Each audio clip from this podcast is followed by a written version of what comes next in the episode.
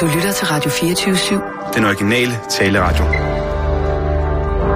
Velkommen til Bæltestedet med Simon Jul og Jan Elhøj.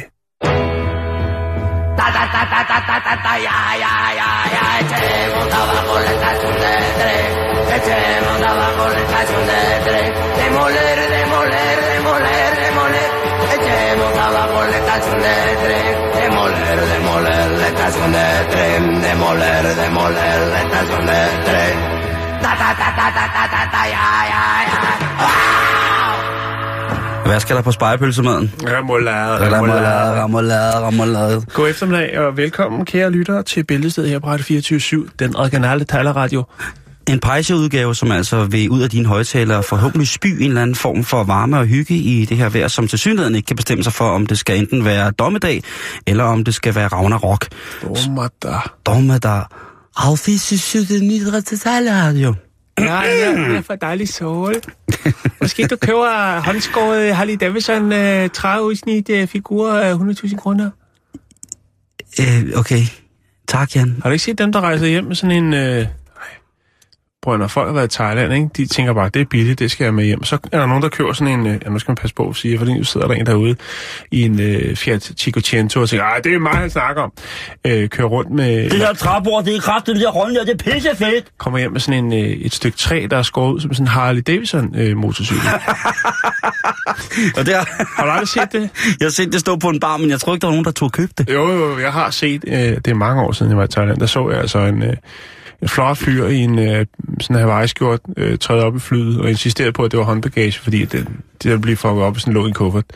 Jeg så Altså, en mand en rejse 300-400 hjem øh, en gang, hvor jeg ved et uheld var kommet til at rejse til Alanya, der, der skulle hjem, der så jeg en mand, der prøvede at overbevise en toller i Alanya, eller i, hvad hedder det, i Istanbul Lufthavn, om han, altså det var hans håndbagage, de der 600 øh, livremme, han havde i øh, sådan en hånd, håndbagagetaske, rullet fint sammen, ikke? Han havde været nede og købe billig læder. Han havde været hos øh, øh, den butik, der hedder Panda Leather, der ligger i Alanya. Banda læder. Ja. Jeg har også Øh, set en med sådan en tom coronaflaske med en reje i, en tigerreje, som jeg selv har sagt, nej, det er bedst. øh, Nej, ham her, han, han var øh, igen det der med, ja, jeg ved, jeg ved sgu ikke, øh, jeg tror sgu også, jeg har sgu også købt meget lort med hjem en gang imellem. ja, Det må jeg sgu indrømme. ja. Ikke fra Thailand. Nej, men der er også andre steder, de kan lave noget virkelig, virkelig, øh, virkelig, virkelig billigt. Jeg, jeg var i Albanien, der har jeg aldrig set så mange billige gummisko. Øh, Adidas og alle mulige ting. Jeg altså, hed det, seriøst, hed det Adidas, eller var det Hadi Det var, det var Adidas, Nå. Eller noget, der minder meget om det. De var bare langt under halv pris. Men jeg købte ikke nogen. Altså, mine bedste kondisko, de er købt i Kina, det hedder Ioma. Jummer. Det ligner en tysk fabrikat med et logo, der er et øh, stort kattedyr, men det er det ikke. Nej. Og det er jummer. Ioma. Jo, men sådan er det, Simon, Ja. og det, det skal der også være råd til. Men jeg tænker, Jan, om vi ikke bare skal komme i gang Jo, med lad os gøre det. programmet. Hvor skal vi starte hen? Jamen, øh, det, det var forkert, det der. Vi skal starte her.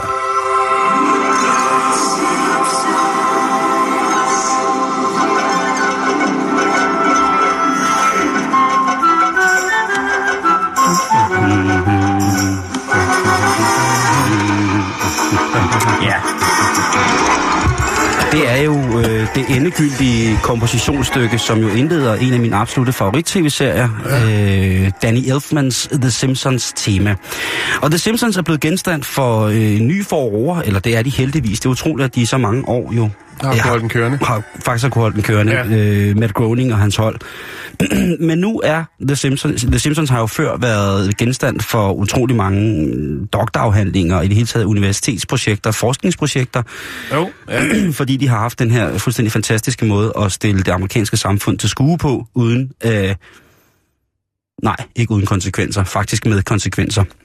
Og en af de ting, som der er blevet taget hurtigt op, det er, at et universitet i Skotland, Glasgow, har en, professor, har en professor i filosofi, som hedder John Donaldson. Og John Donaldson, han er altså en mand, som... undskyld. Det er okay. En til. Sådan der. Han har en, en tilgang til Simpsons, som er filosofisk. Okay. Det er sådan, at Matt Groening, som er manden bag The Simpsons, han jo er øh, filosof. Mm. Han har studeret filosofi på et universitet i USA, og derudfra jo sikkert også mange af de her mm, betragtninger, man kan sige, i humanismens forvør betragtninger, men selvfølgelig også i griskheden og dumskabens forvør, er blevet eksekveret til det her geniale tv-show, øh, The Simpsons. Så derfor så mener John Donaldson, at det nu er på tide, at man kan få et kursus, eller man kan blive universitetscertificeret i uh, Simpsons. Ja. Man kan Okay. så at sige blive kendt Simpsons. Og det hedder... Øhm, det, kurset, det er et, øh, sådan et korttidskursus, men det hedder DOE! The Simpsons Introduce Philosophy. Altså, DOE! Simpsons, familie Simpsons introduktion til filosofi. Og hvad er der egentlig så af filosofi i sådan en tilsyneladende harmløs, men ret morsom tv-serie? Jo, der er som en ret mange mener John Donaldson. Han mener faktisk, at Simpsons er en meget sofistikeret måde at arbejde med populærkultur på, fordi det har virkelig en bredde og en dybde, som man sjældent ser ikke engang i almindelige eller skønlitterære værker, øh, som skrevne eller som øh, eksekveret til film. Mm. Og der er masser af filosofiske temaer i Simpsons. Det er jo i virkeligheden de store spørgsmål i livet, som bliver kogt ned til noget forholdsvis uforståeligt, men ikke med en snært af noget, som man egentlig godt ville kunne forstå og overføre til sin egen hverdag i henhold til et øh, filosofisk enten spørgsmål eller gøremål. Dr. Donaldson, han mener, at øh, de ting, som, som hvad hedder det, Homer, han, det er faren i familien, ligesom er, er god til det der med at drikke bajer og, øh, og hvad hedder det, øh, og, og bare være øh, halvdum, ikke? Der mener han jo altså, at det er en ting, som er sådan grounding for, at folk kan skabe en relation til lige præcis familien Simpsons. Fordi mm-hmm. alle har nogen, der enten helt bogstaveligt eller i overført betydning egentlig bare ved det bedste, men måske er en lille smule uheldige til at fuldføre lige præcis øh, de gøremål. Mhm. Og der må man sige, der er Homer, han passer ret godt. Han er jo et kærligt menneske, men både hans mave, hans trang til chokolade og øl er jo måske noget, der i virkeligheden er mere styrende. Og hvis man kan kigge på det ud fra en, en, et synspunkt, der hedder, at der er nogle ting, som, som gør, at mænd bliver blinde sporadisk ret hurtigt, jamen så kunne øl og chocolate hmm, kunne jo være nogle af de forskellige ting. Dr. Donaldson han siger jo, at øh, Homer han har selvfølgelig rigtig, rigtig mange øh, fejl, hvis man kigger på det ud fra et moralsk synspunkt. Han er altså han har problemer med at fortælle sandheden nogle gange, men man vil altid se en tænkeboble, hvor han ligesom filosoferer over, hvad konsekvenserne er. Og derudover så er han jo ret voldelig. Han kvæler jo i tid og uside sin søn øh, på den mest bestialske måde. Og så er han jo altså også... Øh, så er han jo altså også, hvad hedder det, let for drukken i tid og utid. Men til gengæld, til gengæld så er der så også, ifølge øh, ham her, professoren i filosofi, rigtig mange ting, som er rigtig gode ved Homer. Øhm, for eksempel så er han en, en, han er en tro ægte mand. Altså han er, mm. han, øh, han tager ikke for sig af, af gussebuffeten i Springfield. Han er en mand, som holder sig til, til March, god gamle. Ja. Så er han øh, jo en familiefar, øh, som er meget øh, åbenhjertet på rigtig, rigtig mange punkter, og han er det på sin egen måde. Men han er god af natur. Man tror på Homer, han har en likability, som egentlig er ret fantastisk, og det er måske netop, fordi vi genkender nogle af de her karikerede parametre i ham i os selv. Mm. Nogle ting, som vi måske prøver at gemme væk, men som vi måske... Genkendelighed er altid en øh, vigtig faktor, når det kommer til den slags øh, underholdning. Sjælens spejl er en tyk gul mand, der spiser donuts. Simpsons er, familien Simpsons er det hele taget et rigtig godt grundlag for at begynde at diskutere, hvordan at filosofi kan hænge sammen, hvordan det måske ovenikøbet er bragt ind i tv-serien. Jeg vil lægge et link op på vores Facebook, facebook.com bæltested, og så vil man altså have mulighed for, hvis man er i Glasgow, at kunne melde sig til, hvis der er flere pladser. Jeg tror, der bliver rigtig, rigtig run øh, om det.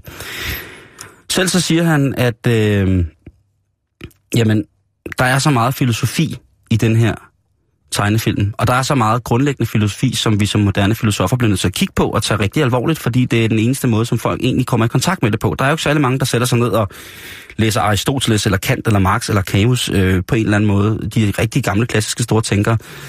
Men vi sætter os ned, og så kan vi reflektere i en tegnefilm, som sætter verden på en spids og karikerer den fuldstændig ufravilligt fra, hvad, hvad resten af verden må synes og gøre i, i, i forhold til dem. Ikke? Det synes jeg jo er, er, er fantastisk. Det her kursus øh, i, i, i Simpsons på Universitetet i Glasgow, det koster 30 pund, og det er altså lørdag den 14. januar.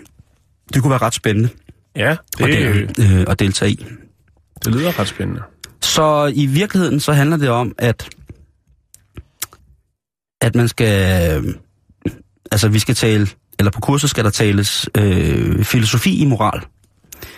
Og det synes jeg er et vanvittigt godt udgangspunkt at bruge Simpsons til, fordi de jo hele tiden, om end det er karikeret og infantilt på mange måder, så påpeger de jo altså nogle, nogle ting, som forfatterne synes er fejl af mange. Det bliver jo i virkeligheden mega aktuelt politisk. Vi- Vi fandt jo selv ud af, at Simpsons i 2000 havde forudsagt, at Donald Trump ville blive præsident. Mm, og kørte på en rulletrappe, hvor han vinkede. Ja. Ja. Og, og, og, og bare, Sejr. sådan, bare sådan nogle små ting der, som jo selvfølgelig godt kan virke som øh, direkte lommefilosofiske, er jo egentlig sjove at have med som betragtning af, hvordan at vi opfatter tegnefilm, og hvilke, hvilke medier og hvilke former for formater, som vi får Mm. vores, øh, vores tankegang og vores daglige, hvad kan man sige, navigering i, i, i, i moral og amoral fra.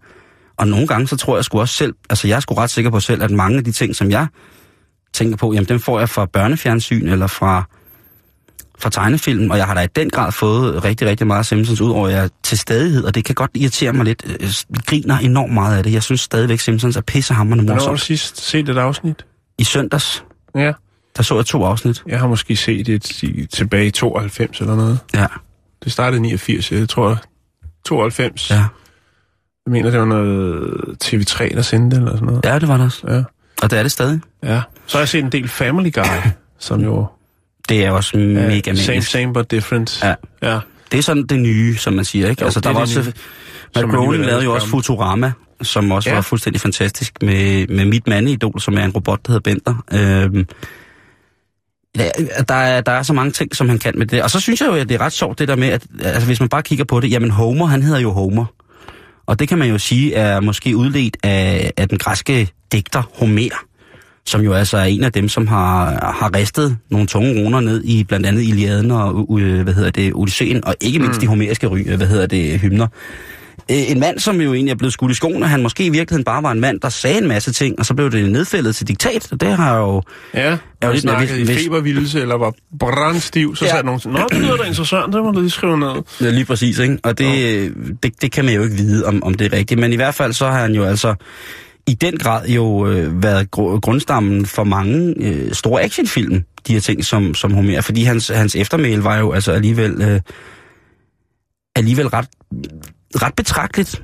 Øhm, fordi han altså t- tillod sig at, at være både betragtende og beskrivende, uden at helt konsekvent at være objektiv. Så skrev han altså, hvis man har læst Iliaden eller, øh, hvad hedder det, Odysseen, så er det jo nogle, nogle ret voldsomme fortællinger på rigtig, rigtig mange øh, punkter, så han lavede ikke fingre imellem, men det er jo selvfølgelig også mange af de andre græske filosofer, så ligesom det gjorde, men der var øh, en eller anden form for, for ting, som, øh, som var, var fuldstændig fantastisk. Og betragtning af, at Homer jo faktisk var øh, medicinsk blind, det ved man jo ikke 100%, men det er meget, der tyder på, at han faktisk ikke kunne se, så er det jo genialt, at han har kunne betragte så meget og lade det nedfælde. Og ja, jeg ved jo ikke, om man kan trække en sammenligning af andet end navnet til Homer, men et eller andet sted, så øh, har han jo stadigvæk været hovedpersonen i vores tidsalders, øh, om man kan kalde det Odysseen. Det har jo været Homer mm-hmm. Simpson på mange måder. Jeg tror, mm. der er meget få mennesker, i, der er yngre end os, som øh, lige bare vil kaste Øh, ikke, ikke sige, altså hvis man siger Homer Simpson, så siger det ikke Homer Simpson, det er Homer Simpson. Det, det er, jeg tror ikke, der er særlig mange, der, der lægger, den, lægger den på resten og er klar til at blive grillet. Men øh,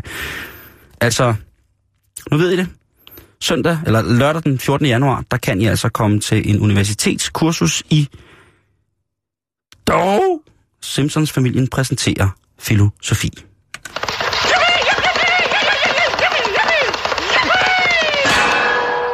Skal jeg ikke lige lægge en øh, hjemmesideadresse op til det kursus der? Det er det, du skal. Ved du hvad, det gør så vil jeg. samtidig lige, øh, lige snakke om i går, hvor vi jo snakkede om katte. Ja, Og øh, så oh, smed jeg en, så sød, en katte-video op øh, efterfølgende. Bare lige for at få lidt, lidt, øh, til, lidt godt lidt til øjnene. Og jeg skal da love for, at øh, den virker stadigvæk, Simon. Vores lytter er vilde med katte, der laver sjove ting. Ja, nu skal vi snakke om noget helt andet. Vi skal snakke om en øh, kanadisk mand, som øh, var ude at dykke sig en tur. åh, oh, dejligt. Han hedder Sean Smyrshinski, og øh, han var ude i fjernlæggende område, der ligger tæt på noget, der hedder Pitt Island. Øh, det er ud for kysten med British Columbia, og øh, der øh, dykkede han. Han gjorde det ikke på den helt old school måde. Han er lidt mere moderne. Han har sådan en undersøisk scooter, altså sådan en propelting med drevet, man kan have foran sig, som jeg har faktisk prøvet, og det er utrolig effektivt, så sparer man virkelig på kræfterne. Og det ja. kunne jeg forestille mig måske var meget godt, hvis vandet også er lidt koldt. Ja, at man kan, ja, ikke? Uh, han var jo på jagt efter søpølser. Men uh, han fandt noget helt andet. Det er jo en dejlig mollusk at dykke efter. Ja, lige præcis. Man skal være omfængt. Det er et omfængt lille væsen, og hvis man trykker på den, så prutter den sand. Ja, det er fantastisk. Uh, og så smager de rigtigt. Nej, hvad hedder det? Um... det gør det nemlig ikke.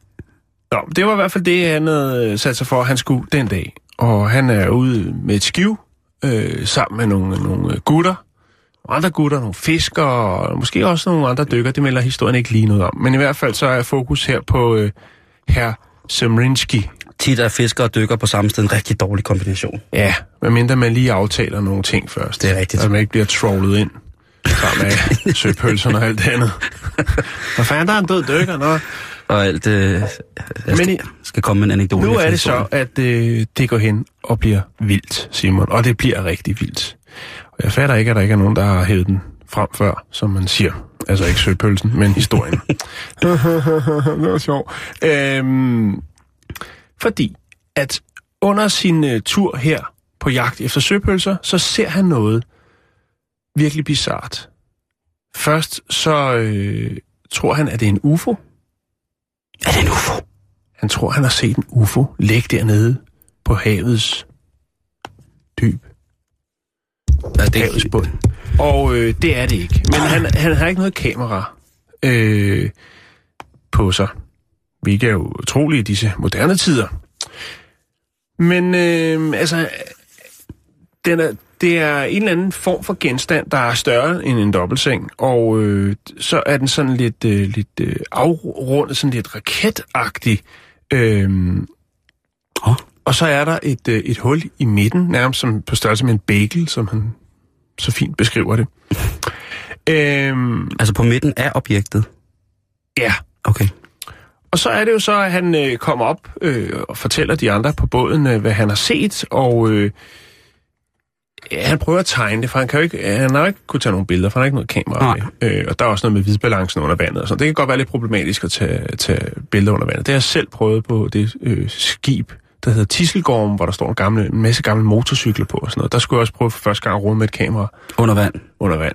Ja, det er rigtig... Det var- det var noget gøjl. Det er noget knald nogle gange. Nå, så han vælger altså at tegne det, som han har set dernede.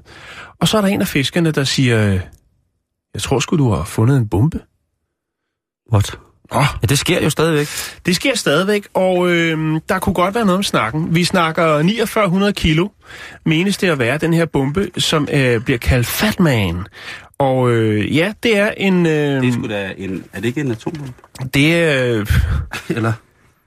altså, den er i hvert fald... Øh, den har, hvis det er en Fatman, så er, øh, er det en, øh, et stykke amerikansk atomvåben mindst lige så stor som dem, der øh, blev kastet over Hiroshima, øh, Hiroshima og Nagasaki. Øh, og det var jo i den grad en, der, der ryttede øh, en del på kortet, Jo, hvis jo. man skal sige det på den måde.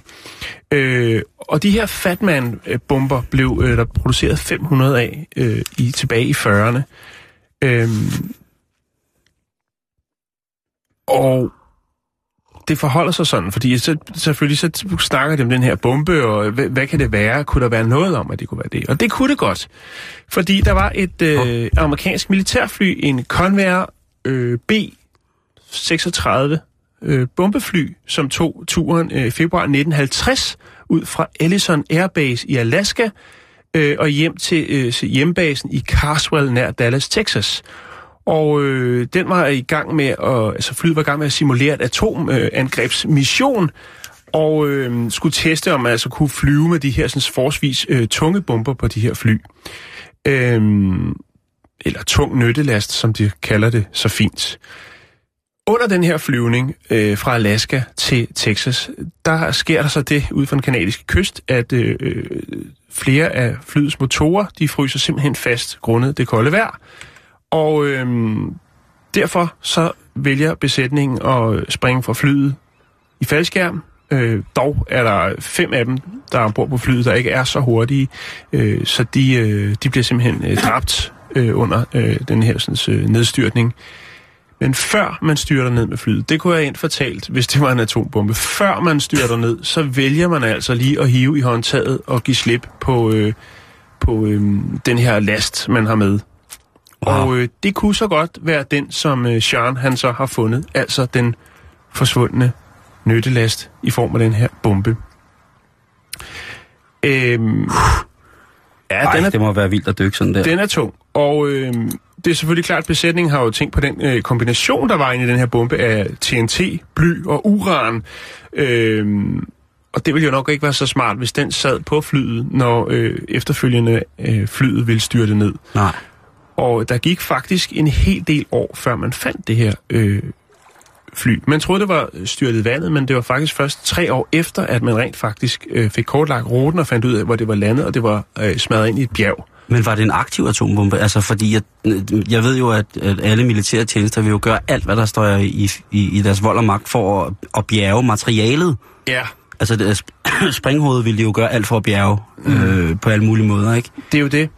Og øh, det, det, det er faktisk ikke nået dertil endnu. Øh, så vidt jeg kan se, så øh, er der et øh, Royal Canadian, øh, altså et, et, øh, et kanadisk militær øh, skib, som er på vej til området øh, for at an, øh, afsøge nærmere. Det tager altså et par uger, før det er nået frem, og så vil man kigge ja, mere end en forstand dybere på sagen og finde ud af, hvad er det for en bombe, og er det rent faktisk en, der indeholder... Et aktivt springhoved. Ja, Wow. Er du sindssygt? Nej, det, det, altså, nu har vi jo begge to prøvet at dykke på vrag, men det er jo sådan noget med, at man, når man kommer ned på vrag, som for det første er erklæret som officiel gravplads, det synes jeg er meget, meget fint, og jeg ved ikke, om, om det er moralsk, eller apropos øh, filosoferende om moral og amoral, om det er øh, at dykke ind på en offentlig gravplads. Jeg ser det som at dykke ind på en kirkegård. Jeg synes, det er... Jeg gør det respektfuldt, og det gør det ikke for at forstyrre gravfreden på nogen måde. Øhm, men jeg har dykket på et skib, hvor der holdt kampvogne i lastrummet. mm-hmm. Det var, det var ret sindssygt at se, at det, de der kampvogne, de lå sådan spredt rundt i det der lastrum, som hvis man havde kørt med sko- tomme skokasser bag en kassevogn, ikke? Øhm, og det var også officielt, øh, det var en officiel gravplads, og der lå også ammunition og sådan nogle ting, så, men de var selvfølgelig markeret til, til således, at man kunne dykke forbi, og det var ikke ting, som man anså for at være, være farlige, når man dykker ned. Man skal selvfølgelig passe på at respektere og lytte på, hvad divemasteren han siger, når man går ned, men, øh, men ellers så var det bare enormt interessant. Øh, og så, ja, vi dykkede efter øh, nogle specielle havsnegle, som, som vi så ikke fandt, men Nå, som skulle have været der. som Den skulle I have suttet. Nej, vi skulle egentlig bare have set den. Shit, mand. Ja, og det er selvfølgelig klart, at amerikanerne jo også øh, følger lidt med på sidelinjen omkring det her. Ja, for Ja. de plejer jo, altså jeg tror ikke, der er noget, fordi de havde jo været skrigende hysteriske, hvis der bare var en mistanke om, at de kunne have lidt, øh, lidt ekstra uran liggende til. Det er jo ikke sådan så, at havet på nogen måde påvirker halveringstiden af sådan nogle sataner, så jeg tror jo, at de vil have travlt med at få lortet op igen og lave en, Ja. ja. en, en atomdrevet æggedeler, eller købt en reservetank til en ubåd eller et eller andet, ikke? Ja, altså det, mili- det amerikanske militær har jo altid sagt øh, i den her sag, at øh, den her sådan, Fatman-bombe, den ikke var armeret. Okay. Øh, men øh, det er jo aldrig til at vide. Der foregik jo, og foregår, ah, der foregik en hel del op øh, i Grønland og op i Alaska, især under, den, øh, under 2. verdenskrig og også den kolde krig efterfølgende.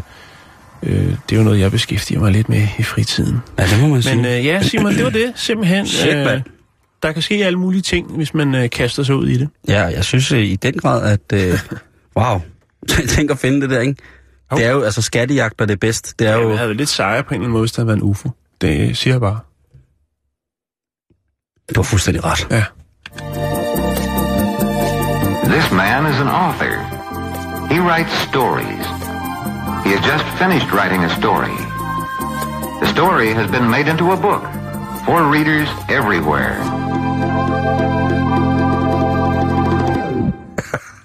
Det var en dejlig flad, Jax. Tak for Ja, den. tak for det. Øh, en, øh, en beskrivelse af Knud Romer i hans ungdom. Ja, Jeg kan lide det. spot on. Vi alle sammen kender det. Vi bruger vores mobiltelefon, og vi bruger den i tid og utid. Og nogle af os, vi kan sikkert også godt finde på at bruge den et sted, hvor det efter ifølge lovens forskrifter ikke er helt tilladeligt. Men hvor med alting er, så går vi i gang med det. Der er rigtig, rigtig mange, som jo går og sms'er. Der er mange, der cykler sms'er. Der ja, er mange, og der er der, jo lavet specielle øh, sms-baner. sms-baner, ja, i nogle Og- gågader rundt omkring i verden. Og det synes jeg er rigtig, rigtig smart. Fordi en ny undersøgelse, det viser, at når vi går og bruger vores mobiltelefon mm-hmm. så er vi altså ikke særlig gode til at holde tempo. Nej, det er rigtigt, og det er fucking irriterende. Vi er fucking... Folk står på rulletrappen og sms'er hele vejen ned, og når de kommer ned for enden, så stopper de lige foran rulletrappen og står og skriver videre. Ja. Og så plejer jeg at råbe, smartphone! Lige ind i hovedet på dem. Nej, det er ikke rigtigt. Men, Nej, det gør jeg du tænker ikke. på at gøre det. Jeg har tænkt på at gøre det rigtig mange. Eller have sådan et lille fodboldhorn eller et eller andet. Men det er rigtigt det der med, at når folk, hvis man går ind i folk, der går sms'er, og de så taber deres telefon, øh, så bliver de folk, der går sms'er, tit sure på os over, at vi ikke kigger efter. Ja. Og det kan jo godt, ja, det er jo- og ligesom folk, der, altså folk, der cykler sms'er, dem har jeg tit lyst til at vælte. Ikke mest fordi, at så er det Hvad så med dem, der overstået. kører bil? Vi snakker kun de bløde trafikanter. Det er altså dem i de store tog. Det er rigtigt, det er rigtigt. Nå, ja. Men hvad, Ja, men, hvad? det synes jeg, men i bil, der er det sådan omsonst, ikke? Fordi vi må jo gerne spise, og vi må jo gerne Jo, arme, og altså, Ja, du må jo gerne arme og køre bil samtidig. Det er der ikke nogen, der, der ligesom har sat en regel ned for, ikke? Øh, Du må jo gerne sidde med kanderne ude og fodre dit afkom, men du må jo satme ikke snakke mobiltelefon. Der er så mange ting, man kan og må. Det er fordi, du bliver distraheret, når du snakker mobiltelefon. Det gør du ikke, når du ammer. Det jeg har ikke prøvet det særlig meget, så Det har jeg faktisk. jeg lægger, mig, jeg lægger mig bare til, og så nyder jeg. sødt. Ja, sådan er jeg, det ved du også godt. Men øh, det her med at, at gå og miste tid Ja. når man bruger sin mobiltelefon, jamen det er der altså lavet en øh, undersøgelse over. Fordi at måske så kan vi indhente noget ved at ikke gøre det, mens vi går. Både kan vi være meget mere førligt sikre. Hvis man laver kapgang hen til sit, øh, til sit mål, så har man øh, fem minutter til at sms'e i ro og fred. Jeg tror, hvis, det? hvis man er under 13, så kan man sikkert sagtens køre bil og sms samtidig uden nogen problemer. Fordi Det det, man, jeg det er man også, ligesom ja. vokset op med. Det er mere sådan nogle gamle tosser som os, som begynder at skal sidde og rode rundt på alt muligt mærkeligt. Øh, Trivago og sådan noget, mens vi kører bil, eller lige ind på Informations hjemmeside for at se, hvordan vejrudsigten er i Gdansk, ja. Ja, eller finde den madanmeldelse på TV2 Lois øh, hjemmeside. Som kun anmelder Paris og toast. Der er mange ting, som vi bliver nødt til ligesom at holde styr på. Ja. Og det er vi bare ikke så bevendte med, som, som den mere Nej, ungdomlige... De unge, de har fat i noget. Lige præcis. 22 forskellige frivillige blev altså sat til at øh, trykke, indtaste et nummer på deres mobiltelefon, mens de øh, gik i en øh, trædemølle på omkring to, i, øh, i præcis to minutter. Mm-hmm. Nogle kameraer, som ligesom filmede, hvordan de bevægede sig, hvordan de ligesom, øh, deres kropsholdning blev, når de gik og sms'ede. Øh, for eksempel sådan noget som, hvordan flexer knæet, hvordan bevæger din hofte sig, hvordan er dit bensving.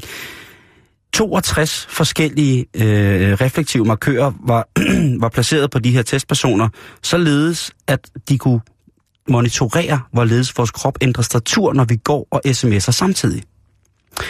Og man tænker, der sker sgu da ikke noget med din krop, når jeg går og sms'er samtidig. Men der kan du godt tro om igen, for din krop er et stort mysterie, og det har også en autonom vilje, som man slet ikke forstår. Fordi det, der skete, det er lige så snart, at vi bliver distraheret af vores telefoner, så begynder vi at gå som heste, der går i mørke. Altså det her med, at vi bliver oversensitiv i forhold til, hvad vi tror, vi går ind i. Mm-hmm. Så man løfter benene lidt mere, og man øh, standser måske lidt mere op. Ens balance kommer nogle gange i nogle øh, folks situation ud af fokus, fordi man ligesom bruger sine øjne til at kigge ned på, te, på, på telefonskærmen, og man bruger ikke sine øjne til at, hvad hedder det, øh, Navigere. stimulere- navigere og sta- stabilisere sit eget øh, balancepunkt. Mm. Så det gav i det hele taget nogle ret interessante, virkelig interessante resultater, det her, synes jeg, som man egentlig godt kan tænke lidt over. Fordi folk, der gik og tekstede, eller øh, gik og tekstede samtidig med, at de gik, jamen, de var faktisk 26 procent længere tid om at komme frem til de steder, som de skulle, eller gå den distance, som, som man kunne gå på to minutter ved en normalt tempo, uden at betjene sin mobiltelefon. Derudover, så var der altså en, nogle tegn på, at øh, man, fordi man begynder at gå lidt anderledes med det her med at højere bensving, øh, træde lidt mere over ting, prøver at blive en lille smule mere autonom på paste med, hvad man træder på osv., fordi man fokuserer på noget andet med, med, med sine øjne. Det var altså noget, som de kunne se, jamen, hvis folk gjorde det her utrolig meget, Mm. så ville de faktisk godt kunne skabe nogle slitageskader i, i, i led og skåle inde i kroppen. Mm-hmm. Fordi man ændrer øh, positur, og det er ikke særlig sundt, den måde, hvorpå man træder ned med hele sin kropsvægt på i et, øh, hvad kan man sige, alarmberedskabs gangmønster, Ja. hvor vi altså går i mørke, eller vi fokuserer på noget andet rent visuelt. Jamen lige pludselig, jamen, så kunne man slide på en mærkelig måde, og så kommer man til at gå ligesom storkemanden, altså med jo. de her høje ben. Der har været meget, meget snak om det igennem årene, ikke? Altså, hvad, hvor, hvor skidt det er med de der sådan, øh, smartphones. Øh, I starten, der var det der, dengang man havde de der fysiske knapper på telefonen med, at unge ville få ledgigt, og jeg ved ikke, Musealbu, musse, firkantet sms-arm, og, AIDS.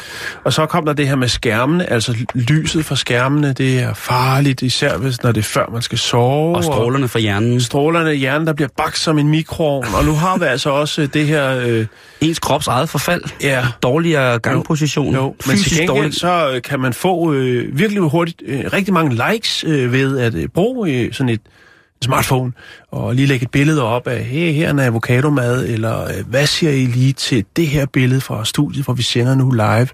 Smil. Sådan der. Øh, ja, det, øh, det er jo ret, det er jo ret, det er jo ret. Også med det der, fordi, men, men, men jeg forstår ikke det, altså at spare noget tid. ja, du ved, der er jo sådan nogle undersøgelser, der hedder med, du bruger tre, to, tre år af dit liv på at pege. Du bruger ni måneder Ja, af dit liv på at præcis. rense negle, og du kommer ni måneder for sent, fordi du sms'er. Altså, Ja, den, det, det, og det, i det, 1982, der brugte du ni måneder af dit liv på at i spise æderkopper i søvne. Ja, og øh, tjek telefonsvaren, når du kom hjem fra, fra arbejde, fordi der var en masse, der ringede og lagt en besked. Det er noget, den, den dur. Ja, det er fra Biko, men jeg skulle bare høre om din Pondus... Nå, nej, det var ikke Pondus-kontoen, de havde. De havde... Åh, hvad var det, den hed? Det kan jeg ikke huske. En bikup. Din ungdomskonto? Ja, det var det. Men uh, tænk kan over det, ikke at uh, når du uh, sms'er, der går samtidig, så er du 26 procent langsommere. Det vil sige, at du kommer 26 procent mere for sent, end du ellers ville have gjort. Og når du i forvejen er sent på den, ja, så er det æderrommet og lort. Hey, grib den her.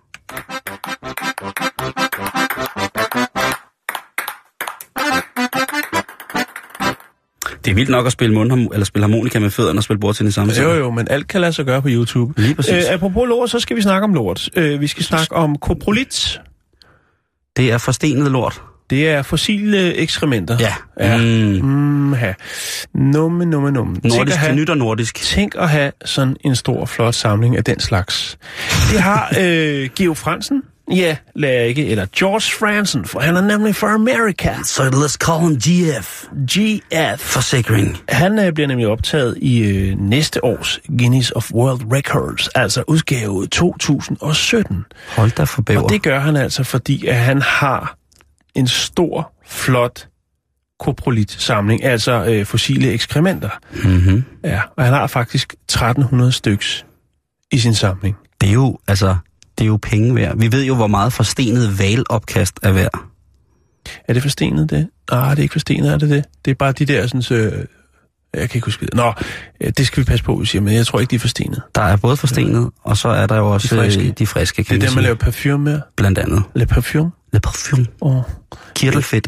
ja, jo, nå, men ja, okay, det er også fint, Simon. Øh, ja. Men hvad sker der? Øh, Han jamen, har en stor samling lort. Ja, helt præcis, så har han øh, 1277 af de her sådan, øh, på hans hjemmeside, som er lagt ud, og de er så blevet verificeret af Guinness World Records, øh, som at han har den største, den flotteste samling. Øh, og hvordan starter sådan noget? Hvordan bliver man hooked på at starte øh, sådan en samling? Jo, øh, for mange, mange år siden, øh, der stod han i en butik, øh, som havde nogle af de her sådan, øh, altså sådan, den hedder, den, det er sådan Utah øh, fossil øh, butik. Sådan en rigtig, f- rigtig fin, fin øh, nørdebutik, hvor man altså har alle mulige forsteninger. Og der øh, kaster han så, altså George Fransen, han kaster øjnene på, øh, på et stykke øh, koprolit, øh, en fossil, altså en forstenet lort, og mm. tænker, den der, den er flot. Det er guf. Det er, det er spændende, det her. Altså forstenet, altså lort, ikke også? Fra måske en... Øh, Dinosaurus-lort. Måske Ja, fra en Tyrannosaurus eller en Velociraptor. Og så, så er han simpelthen... amen, amen, pres så er han så hugt. Og så starter han den her samling, og øh, det kan godt være, at man nu i Guinness rekordbog har noteret ham for at have 1277 stykker af den, i den her unikke samling. Men øh, det var jo altså så, skal man lige huske at øh, nævne, helt tilbage i 2015, altså i august, at man optalte den samling. Og ja, der er sket meget øh, siden. Så må ikke han er tilbage med en endnu større, endnu flottere samling, når Guinness Books. Books of World Records, de øh, udgiver øh, version øh, 2018. Ja. Og øh, apropos lort, så øh, findes der jo faktisk også på øh, et museum, et, et pølsemuseum på det, der hedder Isle of Wight Zoo og øh, i England.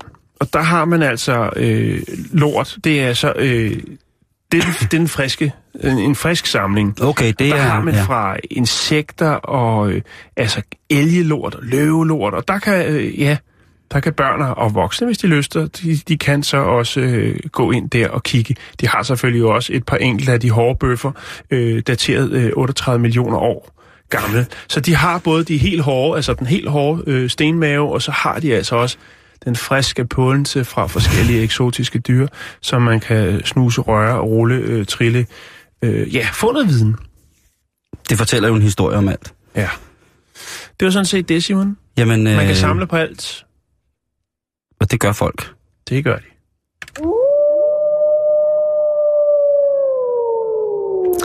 Klokken den nærmer sig stille og roligt 20 minutter i fire på den her stille og rolige onsdag, og du er måske på vej hjem, du er måske på vej ned og hente unger, du er måske øh, stille og roligt på vej til at pakke din taske og køre sten, sten hjem over til Botswana. Ja. Det kan være, at det er det, du har lyst til i dag. Lige en tur til Botswana. Og Ja, de er øh, billige smøger dernede. lige præcis, og flot whisky. Men det har været en hård dag. Der har været ja. troubles, der har været kollegial skamyssel, der har været... Øh, der har måske været noget bøvl i morges med nogle madpakker, der har været noget... 12, 12 færre følgere på Instagram, og det er egentlig noget, der rammer. Der har været kaos på intranettet. Åh, ja. Forældreintranettet er der Ja. kaos. Der er nogen, Jo. der ikke vil være med i en legegruppe, og Er der kaos? der er kaos, ikke? Og der, i det hele taget, så har det været sådan en dag, men den vil man sgu egentlig gerne være for uden, og man har sin gode ret til, når man sidder her på vej hjem og tænker, fuck en lortedag. Altså, når de der unger er puttet, så skal jeg bare have en stor, stiv shoes. Ja, og noget Kenny G. Lige præcis. Og så skal jeg være fucking helt alene, og så skal jeg lige smide den her dag af mig på en eller anden ordentlig måde. Stille og roligt. Ja. Og der kan, jeg formær, der kan fornemme, at du er på vej nu med et tip til, hvordan man... Øh, Ja, det er jeg, fordi jeg vil give øh, et eksempel på en mand, som helt sikkert har haft en rigtig, rigtig skidt dag, og som måske vil kunne sætte, uden at skulle være anmæsende, en lille ramme for, hvordan en dårlig dag kan se ud.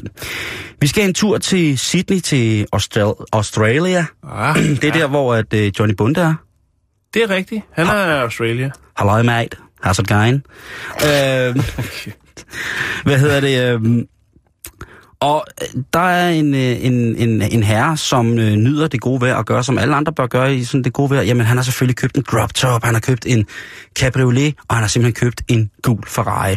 Åh, hold da op. Så ikke en Flottenheimer, hva'? Han er nemlig en. Flottenheimer. Så, øh, og han er på vej afsted til, øh, til arbejde. Altså, den har han ikke købt den dag. Det er en, han Nej, har den er tre måneder gammel. Okay, okay. Så den er spritny. Ja.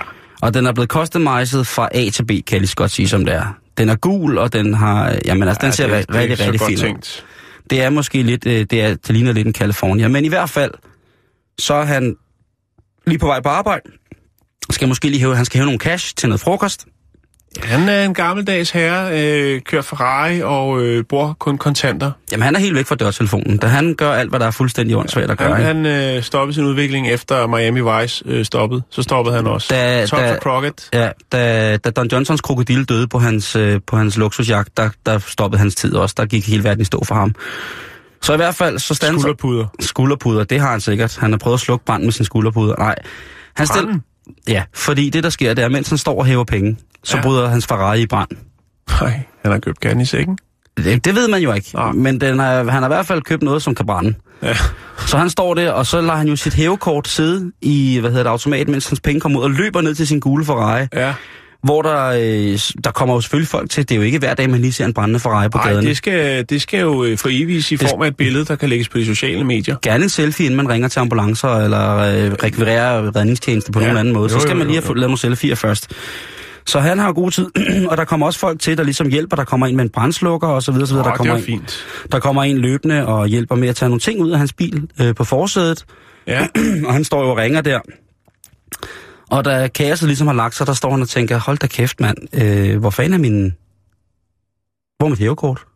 Altså, hvor er mit dankort hen? Eller mit australiensk kort, eller hvad det hedder? Ja. Shit, det glemte han jo over i pengeautomaten. Ja. Og hvor var de penge, jeg hævede? De skulle også væk. Og hvor fanden er min computer henne? Så viser det sig, at mens hans bil har stået i lys lue, og han har løbet skrigende rundt om sin brændende Ferrari, så har der nogen, der lige har liftet hans øh, hævekort og alle hans penge. Ja. og øh, på samme tidspunkt er der nogen, der i hans, øh, hvor de godt kunne se, at han tænkte måske på noget andet end lige præcis det.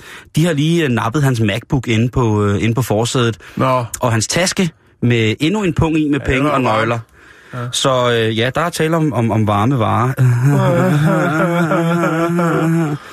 Men jeg vil lige lægge nogle billeder op af det forfærdelige... øh, Findes der for- billeder af hele... misæren. Det, Ja. det kommer på facebook.com bæltestedet nu, og så kan man jo så selv tænke over, hvor skidt en dag man egentlig har haft. Og det er bare, altså, det er bare lige sådan. Mm. Det kan man lige tænke over.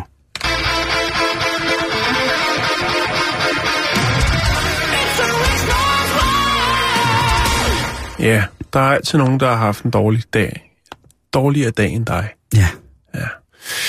Nå, Simon, vi skal faktisk til Canada igen. Ja, der Canada? sker noget deroppe. Vi skal snakke om et firma, kanadisk firma, der hedder Royal Canadian Mint. Right. Og øh, ja, de laver mønter, øh, jubilæumsmønter og sådan nogle begivenhedsmønter i sølv og guld. Dem laver de mange af. Jeg skal nok lægge link op til deres, øh, til deres hjemmeside. Og øh, der kan man se, de laver mange, mange mærkelige mønter. Men en ting er, og det er det vigtigste for den historie, det er, at de laver dem i ægte guld. Ægte sølv. Åh, de er møntslager i ædelmetaller. Ja, og de Wow. laver nogle flotte jubilæumsmønter. Øhm, der er en herre, der hedder Lester Lawrence, som øh, arbejder i det her firma. Og øh, ja, han arbejdede der, fordi han blev faktisk fyret i øh, marts 2015, efter at have arbejdet der i en hel del år. Han startede nemlig i juli 2008. Så han har været på Royal Canadian Mint i en del år. Men nu er han altså blevet fyret, mistænkt for at have stjålet af barn, skulle man til at sige. Øh, fordi at man mener altså, at han har stjålet guld til en værdi af 854.000 på sin arbejdsplads. Øhm, det er lidt svært, og øh, altså det er et estimat, men det er lidt svært at finde ud af, hvor meget han rent faktisk har stjålet.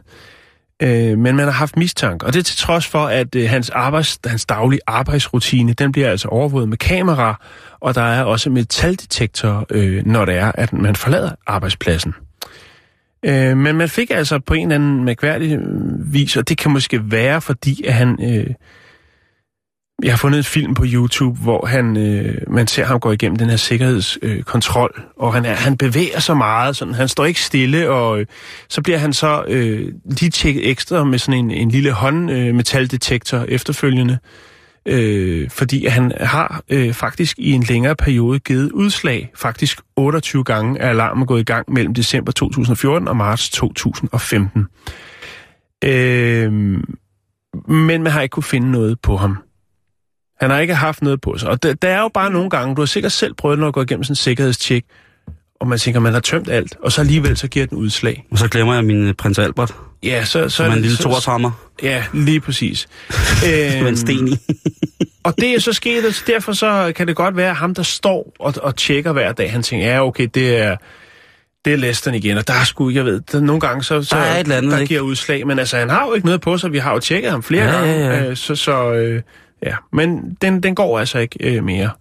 Øh, man øh, foretager en lille rasja af hans arbejdsskab, og derinde, der finder man, øh, hvad skal man sige, hentet til, at han måske har alligevel, øh, trods alt, selvom man ikke har noget fysisk bevis i form af, på det tidspunkt, i form af, at man har set ham øh, putte noget i lommerne eller noget, øh, så får man alligevel en lille gissning om, at der måske bliver gemt noget i det dybeste af listeren. Fordi man finder nemlig i hans skab, finder man vaseline og latexhandsker.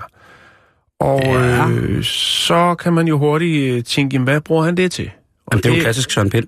Ja, han putter det op i numsen. Han Nå, Nå, gemmer nå, guld. ja, Gemmer, det- det... det ved jeg ikke, om Søren Pind gør. Nej, det tror jeg sgu ikke, han gør. Nej. Han bruger det til håret. Han skal bruge gummihandsker og vaseline for at sætte den frisyr, han har. Nå, ja, okay. Ja, Marilyn Manson meets øh, Rihanna. Alf.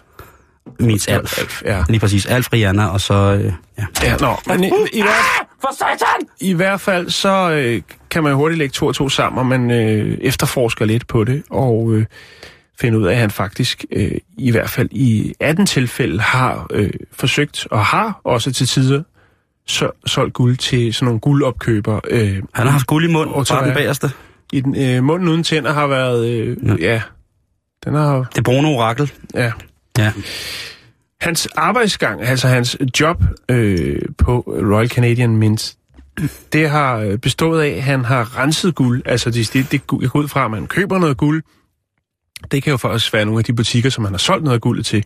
Hans job har været at rense det her guld, altså øh, hvad den har været, smykker, guldbar, mønter, øh, ved at smelte det og injicere det i sådan noget klorgas, og derfra øh, udskille de uædle metaller, indtil man har øh, Det noget guld, som næsten er 100% øh, rent. Ikke Og øh, jeg, man kan faktisk se på de her, den her video på YouTube, som jeg har fundet, der kan man altså se ham stå og arbejde, og, og øh, se, at der, med kameraet følger rimelig meget godt med i hans arbejdsgang. Så han har på en eller anden måde øh, fiflet lidt med noget guld på en eller anden måde, og gemt det et eller andet sted. Altså jeg forestiller mig, at han måske bare lige har vippet det ned i lommen. Han skulle nemlig også teste, øh, hvad skal man sige, renheden af det her guld, som han øh, står og smelter.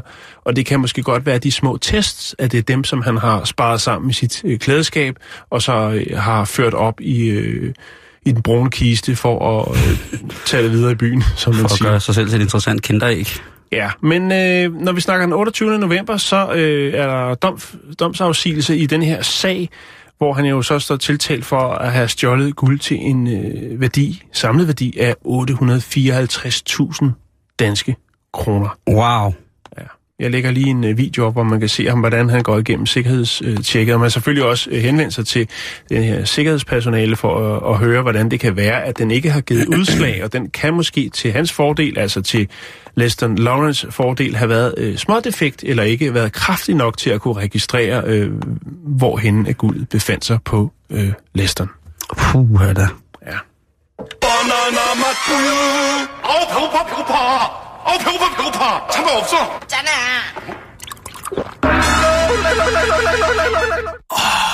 빵. 나나나. 바나나 맛 우유. 빵. Jan, øh, jeg ved jo, du er en, en elskelig og kærlig far. Også lidt skør nogle gange. Jo, jo, det øh, skal hvad jeg hedder det? Øh, er dine unger kommet ind i den her alder, hvor de Instagrammer og sådan noget? Øh, ja, eller den, den største er.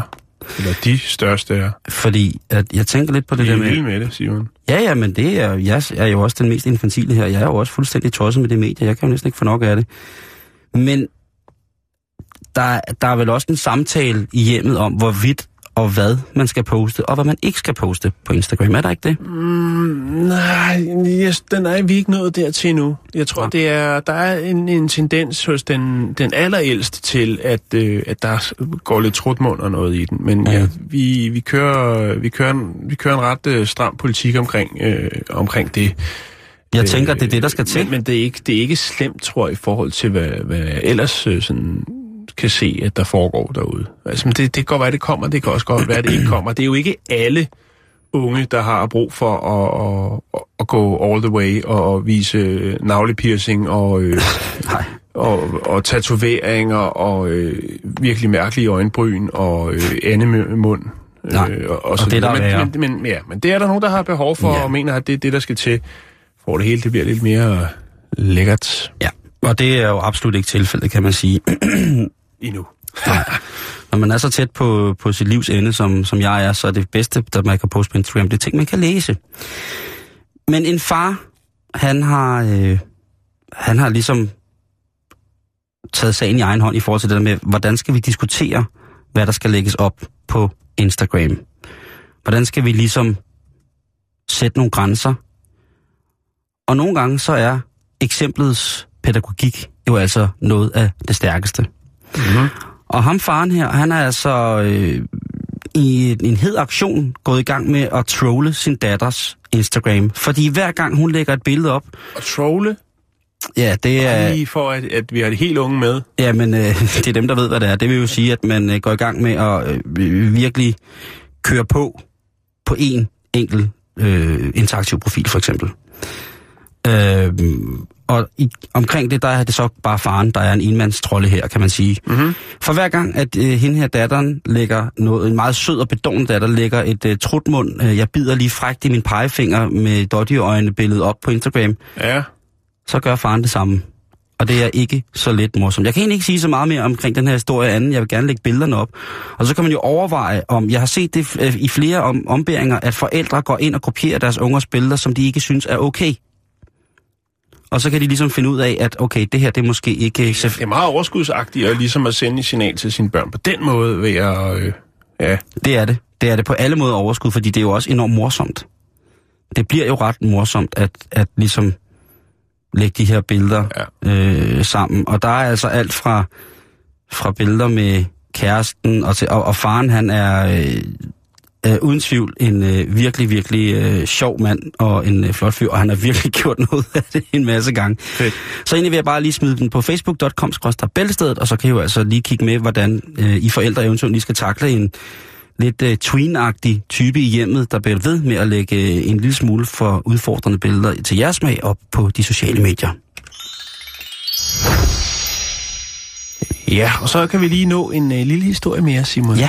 Det skal handle om dyr. Vi skal til Houston, Texas, og vi skal snakke om den 34-årige Trish, Trisha Meyer, øhm, øh, som blev, er blevet anholdt, øh, fordi at, øh, ja, hun er vild med dyr, måske lidt for vild. I hvert fald så havde hun i sit øh, leasede hjem, stort flot leaset hus, som hun øh, boede i, der havde hun altså øh, tre tigerunger, en voksen tiger, en rev og så et stinkdyr og flere aber, som gik løst rundt inde i hendes hus. Det hedder dyreplageri. Øh, det tror jeg ikke, hun vil mene. Men i hvert fald, så, øh, så har hun jo selvfølgelig, som, som så mange andre, øh, tænkt, det, det er livet, det her. De har det meget bedre end i det forfærdelige cirkus. Ja, de har meget bedre at sidde spag for champagne. Øh, nå, men i hvert fald... Jeg smadrer 18.000 rejemad hver så dag. har hun jo så delt det på de sociale medier. Det har der selvfølgelig været en del øh, blandede følelser omkring, hvordan det er, øh, at det foregår. Ikke mindst fordi, at øh, Tricia også har en 14-årig datter, som jo så også er et, øh, hvad skal man sige, et, et øh, muligt måltid i hjemmet. Øh, eftersom at hun jo øh, også gebærder sig rundt øh, på, matri- på matriklen og inde i huset, hvor at øh, Tricia, altså mor Tricia, har... Øh, lavet de her øh, tre tigerunger, øh, en voksen tiger, en rev, et stinkdyr og flere aber øh, også nyde livet. Ja, så hun er blevet anholdt, og øh, det øh, kan, ja, jeg kan fortælle til dem, der synes, at det er dyreplageri, og det synes jeg også, jeg er en af dem, at øh, alle dyrene er selvfølgelig taget fra hende og er på et, øh, et passende internat, og øh, så vil hun øh, sikkert få en fin lille bøde for det tiltag. Men jeg tænker bare, hvor får man ideen fra til sådan... Ja, altså, jeg, jeg kan jo og hvor godt... køber man det henne? Hvor, hvor du sagde, det var henne? Det er i Houston, Texas. Ja, men altså, der har jo været nogle sager omkring de her store øh, wild, øh, altså de her vilde dyrs reservater, i, blandt andet i sydstaterne, hvor folk jo har haft sådan noget op til 10 løver og sådan noget. Altså, der var en forfærdelig sag for en del år siden, hvor Mike netop... Tyson havde jo også en del øh, store miskatte. Ja, ja, og der var jo en forfærdelig, forfærdelig, forfærdelig, øh, forfærdelig episode for nogle år tilbage, hvor netop en, en, en landmand, som havde de her store dyr, jo selv blev angrebet, og han var, øh, hvad hedder det, han var blevet erklæret konkurs, og så valgte han at slippe sin egen tiger løs på sig selv, øh, og derefter så åbne alle burene, og så åbne bare ud til det offentlige, hvor at øh, politiet, ordensmagt og hjemmeværnet, det der hedder, øh, hvad hedder det, The, the, the. øh, jeg skulle til at sige Homeland Security, det var det nok ikke, men det der svarer til civilforsvaret i USA, jo altså blev nødt til at gribe ind og nedlægge de her store eksotiske dyr. Det var altså panter, jaguarer, tiger, løver, elefanter, vandbøfler, som altså, øh, han sagde, hvis han ikke kunne have dyrene, jamen så var der ingen, der skulle have det. Og det var jo altså en parade af, af, af, af, store troede afrikanske dyrearter, for, øh, hvad hedder det, og øh, ja, jeg, det er lidt voldsomt at holde sådan nogle dyr, synes jeg. Men ja. øh, facebook.com, bæltested, der kan du lige pt. se, hvordan at far han har øh, trollet sin egen datter. Vi er færdige for i dag. Lige om lidt, så er der rapporterne med blandt andet Asger Juhl. Hej Asger. Hej med jer. Hvad bringer rapporterne på i dag? Tre ting. Tre ting. En historie om taxaer, Ja. og så to historier, der jo i overskriftsform kunne minde lidt om hinanden. Den ene handler om kampfly, og den anden handler om Messerschmidt. Det er, en, det, det, er, det er... Der er jo... Ja, jeg forstår, jeg synes, forstår det, det jeg, jeg forstår hentydningen til, til, til, den, til den store af toerne. Jeg synes, ja. det er fint. Hvad vil I høre om? Jamen, jeg vil da gerne høre om både 2. verdenskrig og Messerschmidt. Ja. Jamen, altså, Messerschmidt, det handler jo bare om øh, alle de her balladesager, han har været i. Ja. Der er endnu en, en ny mulig skandalesag, ikke? Åh, oh, gud. Og øh, det vi jo gør, jeg er synes, det der er... Ja, men øh, nej, det er ikke den nye. Er det ikke... Det, det nye er, at han har... Han prøver, det er en ude på Frederiksberg, som man kender fra en sangklub, der har fået en ordre på over 400.000 kroner fra EU-pengene. kommunikationsselskabet, ja. og, og ham, han gav penge, og sagt, jeg betalte 10.000 euro tilbage, fordi vi ikke fik brugt dem alle sammen. Er det rigtigt? Det har jeg ikke, det har ikke hørt. Prøv at. høre. Nå, og så er der også de kuglepinde. Det er jo en fantastisk historie, ikke? Ja. Han har brugt så mange 100.000 kroner på kuglepinde, som ingen har set. Og vi har jo de her numre på den polske kuglepensfabrikant, og Åh. en polak i, øh, i EU-parlamentet, der skulle altså have bestilt kuglepinde, ikke? Tror du, det er et Så vi statement? ringer bare til dem koldt øh, ned til Polen, og så ser om de tager telefonen. Og vi har faktisk fået en, en, en polak med i studiet, hvis de ikke kan snakke engelsk. Ah, Hvor er det Ja, godt, det- ja, er det er det godt. Men det kan Tror du, at, at i virkeligheden tror du, at han kan vende det til en strategisk spundet fordel, at han har trykt kuglepinden som et eksempel på, at han holder af de gammeldags værdier? Altså kampflyd, Messerschmidt, og man Ja. kan vende det her. Ja, altså med kuglepinden, som at sige, jamen det er fordi, jeg ikke er et menneske, som er indgået i den digitale tidsalder. Jeg kan vælger at skrive ting. Jeg skriver dagbog med kuglepen. Og Fjer. hvis han kan det, Ja, jamen så er det fantastisk. Så er han jo genial, ikke? det bliver spændende at se. Det, det, det er den eneste mulighed. Det er rapporterne lige om lidt.